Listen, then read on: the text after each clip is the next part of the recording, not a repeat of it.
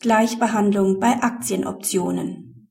Eine Verletzung des allgemeinen Gleichbehandlungsgrundsatzes liegt nicht vor, wenn der Arbeitgeber lediglich Führungskräften bestimmter Hierarchieebenen Aktienoptionen gewährt. Der Arbeitnehmer ist als Inhouse-Jurist in der Konzernrechtsabteilung tätig.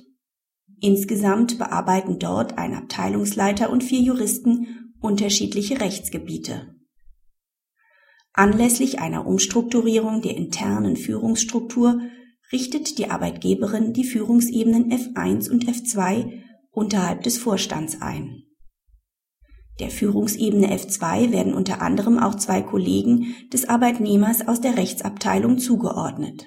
Wenig später teilt die Arbeitgeberin in einem an die Führungskräfte gerichteten Schreiben mit, dass sie ein Aktienoptionsprogramm für die erste und zweite Führungsebene einführen werde.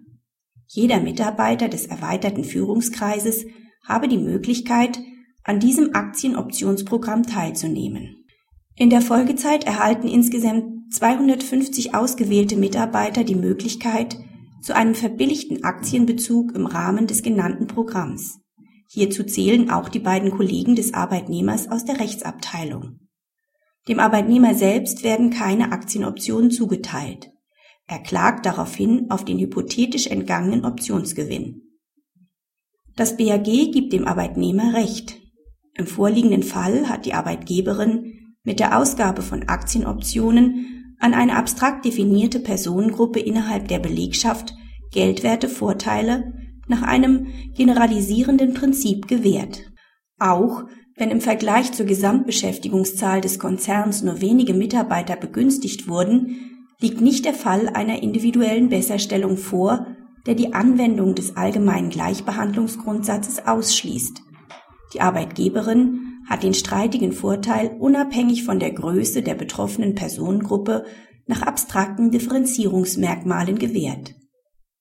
Diese Merkmale knüpfen daran an, dass der Begünstigte Aufgaben innerhalb der Führungsebene F1 oder F2 wahrnimmt. Damit hat die Arbeitgeberin den Kreis der Bezugsberechtigten zwar äußerlich auf bestimmte Hierarchieebenen beschränkt, was grundsätzlich zulässig ist. Allerdings muss sich in einem solchen Fall die Gruppe der begünstigten Mitarbeiter klar von der Gruppe der ausgenommenen Mitarbeiter abgrenzen lassen, damit eine willkürliche Auswahl ausgeschlossen ist. Daran fehlt es im vorliegenden Fall.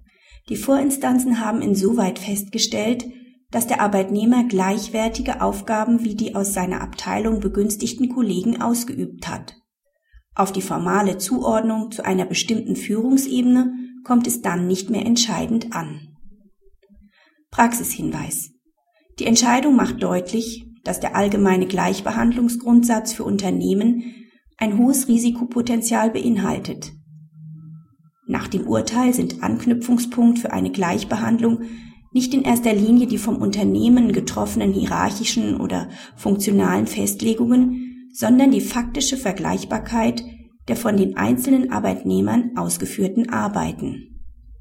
Das BAG fragt insoweit, ob die einzelnen Arbeitnehmer wechselseitig ausgetauscht werden können. Diese mögliche Austauschbarkeit müsse durch einen Gesamtvergleich der Tätigkeit ermittelt werden. Anders ausgedrückt, letztlich ist es dem Arbeitgeber zum Verhängnis geworden, dass er den Arbeitnehmer nicht gleich der Führungsebene F2 zugeordnet hat.